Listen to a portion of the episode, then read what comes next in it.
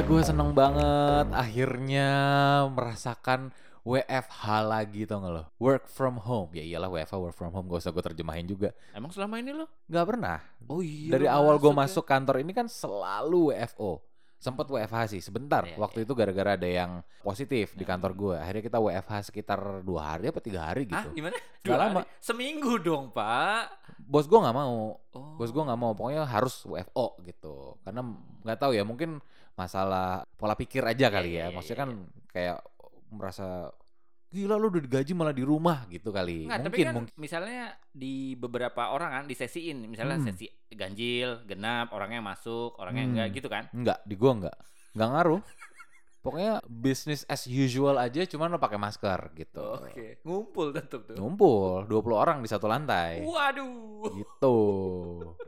Tapi ya ya udahlah gimana udah memang kebijakannya seperti itu. Gue kan Ya. cuman cuman karyawan jadi ya ngikut aja gitu. Makanya ini kan mulai Senin gue udah WFH nih. Cuti makanya. apa WFH? WFH. Sebenarnya WFH-nya mulai Senin, tapi gue dari Kamis dan Jumat sebelumnya gue udah mem WFH-kan diri. Menyolong dong bapak. Karena- Colong setar ya. eh kayak gue lebih konsen deh kerja di rumah ya udah deh gue izin aja WFH deh. Gitu. Akhirnya gue merasakan kerja dari rumah dan ternyata menurut gue efektif. Oh efektif. Menurut gue lebih efektif. Ya bapak kan cuma sama kucing, kalau saya sama anak pak. Oh iya betul. Waduh. Distraction-nya lebih banyak Aduh, ya. Guling-gulingan pak. Diajak main. Nanya Iya. mulu anak gue loh. Bener, anak sekarang kritis-kritis Heeh. pula ya kan. Itu siapa pi? Ini teman papi. Kok dia Hmm. ngomongnya gitu pi? Iya udah. Nanya. Setiap di layar zoom gue tuh ditanya gitu. Itu kalau ada direksi klien saya kan pak nggak enak nggak kan? enak. Kenapa tiba-tiba ada yang nanya gitu? Tapi ya, ya kalau di rumah dengan distraction yang lebih Iya. banyak kayak misalnya udah ada anak mungkin agak lebih susah gitu. Hmm. Karena gue kan masih sendiri nih, tinggal cuma nama adik gue gitu sama mbak. Jadi lebih, menurut gue sih lebih fokus ya. Karena nggak banyak distraction gitu. Kalau di kantor WFO, lu kan tiba-tiba apa gitu. Ntar tiba-tiba ada yang ngajakin ke mana. Ntar tiba-tiba kalau lagi nggak puasa jajan gitu. Ya kan kalau nggak sebat gitu kan. Distractionnya tuh lebih banyak gitu. Oh, Dan iya. menurut gue sih lebih efektif ya Hmm. konsep WFH ini. Ternyata gue suka gitu. Lo enggak ya? Enggak gue. Enggak, Lo nggak suka ya? enggak, enggak gue. Oh, Oke oke oke. Kita tanya Mas Mardi nih. Dia suka nggak? Mas Mardi, WFO atau WFH? Waduh berat ini berat. Kenapa Saya berat? Kalau boleh pilih setengah-setengah Oh setengah-setengah.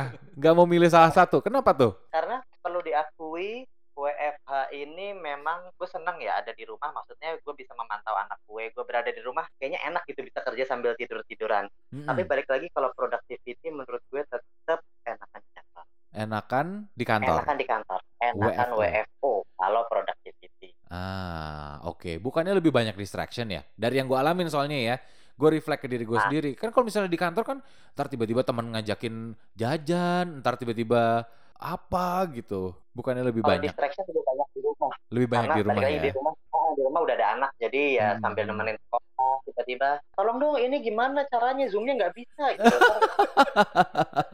lagi, lagi sekolah teriak-teriak miss miss miss miss pertanyaan gitu kan masuk semua ke lagi meeting kita gitu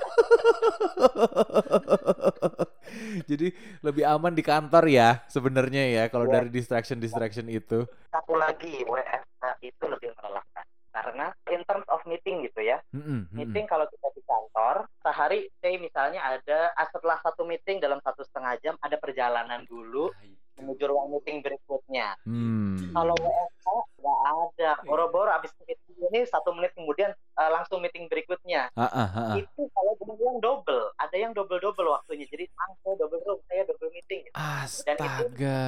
nggak berhenti di jam 5 sore ya itu bisa sampai jam Hmm. 8 habis jam malam jadi lebih melelahkan Oke, jadi batasan antara ruang pribadi sama ruang profesional udah hilang tuh ya kalau konsepnya WFH kayaknya ya. betul Hmm, hmm, hmm, hmm, hmm. Iya sih kalau misalnya lo di kantor kan meeting bener ada perjalanan Iya. berangkatnya, ada perjalanan pulangnya bisa jajan-jajan dulu gitu kan, Iya. bisa ngapain dulu, bisa istirahat bentar. Pagi pekerjaan gue sebentar terbang ke sini, ah nggak bisa Hmm. diganggu kan, klien gue nggak bisa ngomong dong, klien gue yang lain nggak bisa kan, Mm-mm. gitu. Sekarang nggak bisa langsung virtual satu, event virtual dua. Yoi. Waduh. Lo mau lagi di airport juga meeting meeting aja, ya kan? Mau lagi di dalam kereta juga kalau ada sinyal lu meeting meeting aja gitu. Bener-bener jadi lu udah nggak bisa lagi alasan kayak dulu-dulu tuh. Masih di jalan. Heeh. Iya. Masih di rumah, masih di rumah. Ya udah meeting aja di rumah, ya kan? Oke, oke, oke. Tapi kantor lo udah mulai WFO lagi nih, Mas Mardi. Belum sama sekali. Terakhir masuk kantor itu tanggal 20 Maret kalau nggak salah Mm-mm. 2020. 2020 Pak. Wow, satu tahun lebih. Hah? Udah setahun lebih di rumah aja. Hmm, I see. Bener-bener sama sekali. Nggak ada masuk kantornya Blas. Secara resmi tidak. Jadi tapi ada beberapa kali gue sempat ke kantor karena ada mesti ada keperluan ngirim barang. Yang mana barangnya itu ada di kantor, jadi mesti diambil di cubicle kantor, Mhm. terus harus kirim ke mailing room, udah sih gitu. Tapi Mm-mm. mungkin dalam setahun ini bisa dihitung ke kantor lima kali. Hmm, dalam satu tahun lima kali. Wow, gila. Kalau gue, dibatasi. karena Nah. gue demen banget WFH, Gus. Ini nih, seneng banget nih dengernya gitu. Maksudnya, ah, jadi punya banyak waktu gitu kan di rumah ya. Gila, gila, gila. Oke, oke, oke. Terus berarti kalau boleh tahu bekerjanya di bidang apa sih, Mas Mardi? Ngomongin kerjaan jadi pakai saya biar kita Hmm, nanti oke, pakai- formal ya. Oke. Saya boleh tanya nggak, Mas Mardi? Mas Mardi, Anda bekerja di mana? Gitu, Cie, ikutan formal juga. Saya bekerja di sebuah dealership alat berat di Indonesia. Hmm. Namanya rahasia, tapi lokasinya di bilangan Jakarta Selatan, lebih Mhm. tepatnya lagi di Cilandak. Jadi udah ketahuan. Ya. Udah ketahuan, udah ketahuan, udah Warnanya gue ketahuan, udah sebutin nih, ketahuan. warnanya gue sebutin nih. usah disebutin warnanya udah ketahuan itu orang juga udah tahu. Oke, jadi di perusahaan alat berat ini mengurusi apa? Maksudnya job desk-nya specifically gitu ya? Job desk-nya, jadi title-nya gue di Corporate Communication dan CSR, Corporate Social Responsibility. Jadi ngurusin sisi komunikasinya, internal dan eksternal, dan juga kegiatan-kegiatan tanggung jawab sosialnya perusahaan. Hmm, oke. Ini enak dong ya, Ya, part yang nih.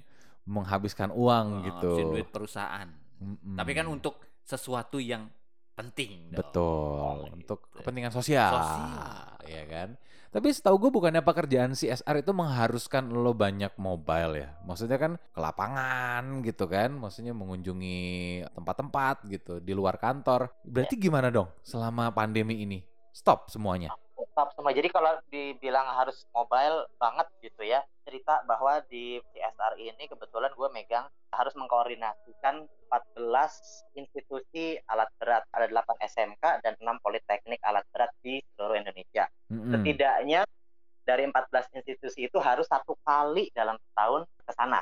Mhm, mhm. Berarti udah nggak sebulan sekali ya gitu. Iya. Terus itu belum kalau ada acara-acara tuh. Jadi eh, dari yang biasanya bisa sebulan 3-4 kali travel, sekarang nol.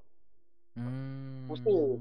Pusing banget. Kita harus muter seluruh Indonesia, biasanya sekarang nggak bisa muter, jadi terpaksa otaknya yang muter. Mm-mm. Otaknya yang muter, contoh misalnya gue mesti audit satu sekolah SMK di Sorong gitu. Mm-mm, mm-mm. Kalau biasanya gue harus datang lihat sendiri bendanya, oke, gimana cara pembelajaran di sini terjadi? Ada alat-alat apa saja, alat penunjangnya, apakah masih bagus atau tidak? Buku pelajarannya bagaimana gitu ya? Mm-mm. Ya sekarang nggak bisa lagi. Sekarang bikinnya ya terpaksa putar otak bikin form secara online, kirim fotonya seperti apa, akhirnya diakses secara virtual aja gitu. Hmm, oke.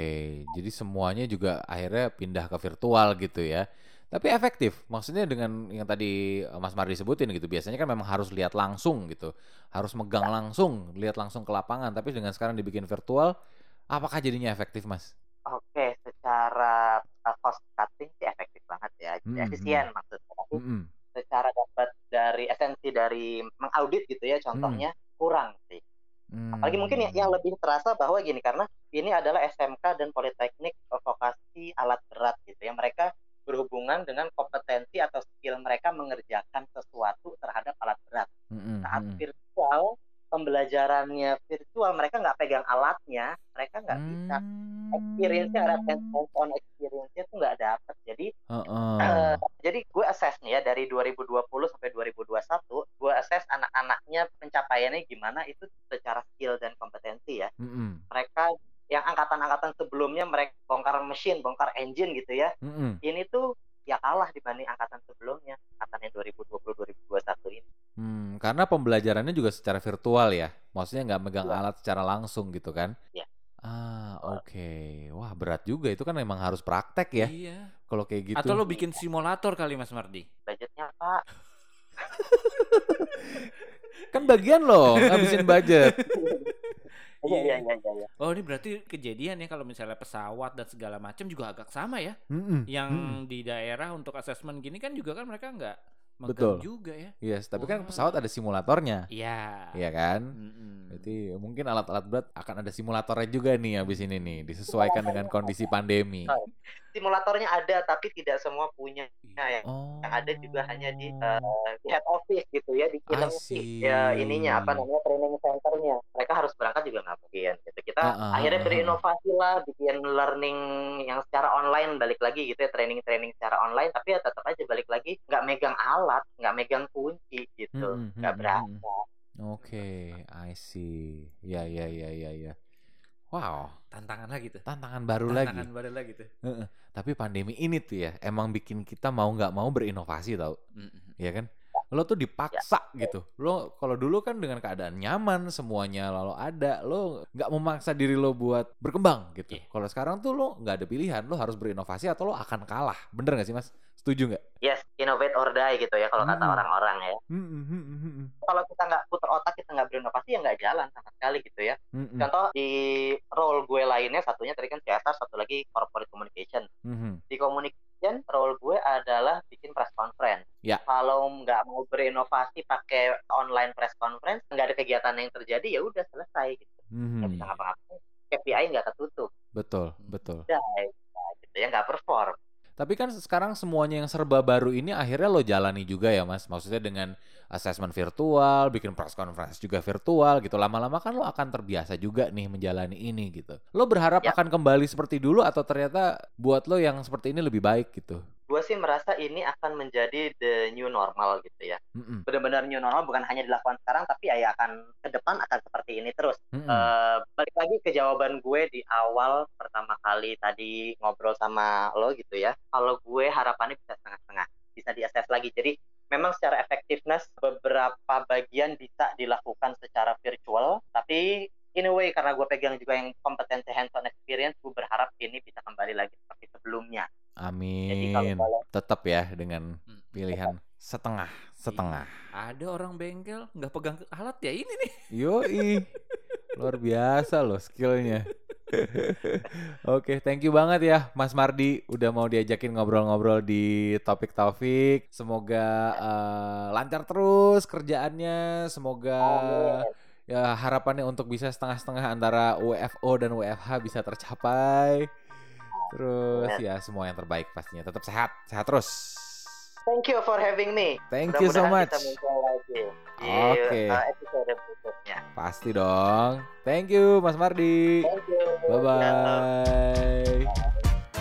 Kepala puyeng ngeliat traffic. Cakep. Pulangnya pingin langsung mandi. Lanjut lagi di topik Taufik barengan gue Taufik Effendi.